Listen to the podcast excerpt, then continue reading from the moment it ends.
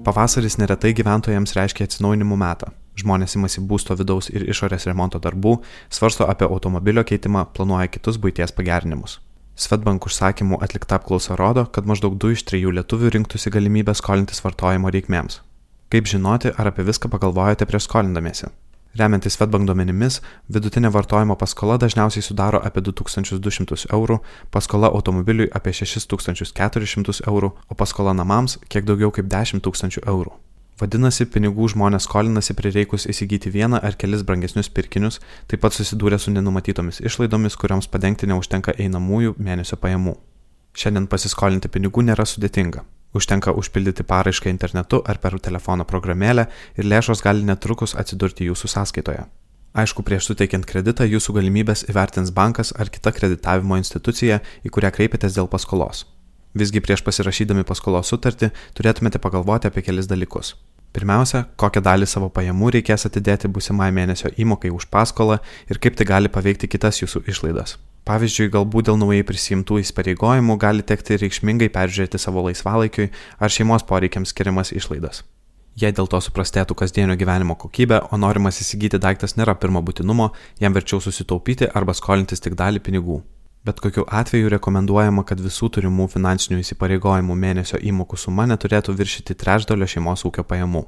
Antra, jei staiga prireikia lėšų didesniam būtinam pirkiniui, pavyzdžiui, netikėtai sugedo automobilis ar būties prietaisas namuose, tokiai problemai išspręsti greičiausiai teks skolintis. Bet vėliau turėtumėte peržiūrėti savo ar šeimos biudžeto valdymo taisyklės. Viena pagrindinių tinkamo biudžeto valdymo taisyklių - būti sukaupus bent trijų mėnesių pajamų dydžio finansinį rezervą. Būtent šis rezervas turėtų tapti pirmąją pagalbą susidūrus su netikėtomis išlaidomis, kurių gyvenime neretai pasitaiko. Trečia, skolindamėsi visada vertinkite tikrąją paskolos kainą, o ne tik pasiūlytas palūkanas. Pasitaiko tokių paskolų teikėjų, kurie kreditą siūlo su labai mažomis arba net 0 procentų palūkanomis. Tačiau kaip taisyklė, tuo pačiu pritaiko įvairių papildomų mokesčių, dėl kurių paskolos kaina smarkiai išauga. Kredito davėjai privalo nurodyti bendrą vartojimo kredito gavėjo mokamą sumą. Į ją būna įtraukta ne tik palūkanų norma, bet ir sutarties sudarimo, jos administravimo ir kiti galimi mokesčiai. Tai objektyviausias būdas palyginti skirtingų paskolos davėjų sąlygas ir įvertinti, kiek iš tiesų jums kainuos paskola. Ketvirta, prieš skolindamėsi turėtumėte atsižvelgti į ateities finansinius tikslus.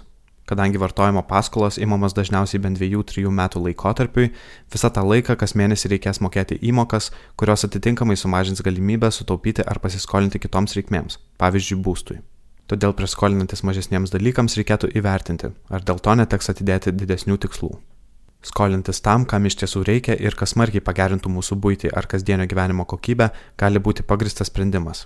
Tik verta nepamiršti, kad bet kurio skolintojo pasiūlymą skolintis reikėtų vertinti pagal bendrą sumokamą paskolos kainą, o ne tik palūkanas. Taip pat reikia atminti, kad su papildomais finansiniais įsipareigojimais persitvarko ir šeimos biudžeto eilutės.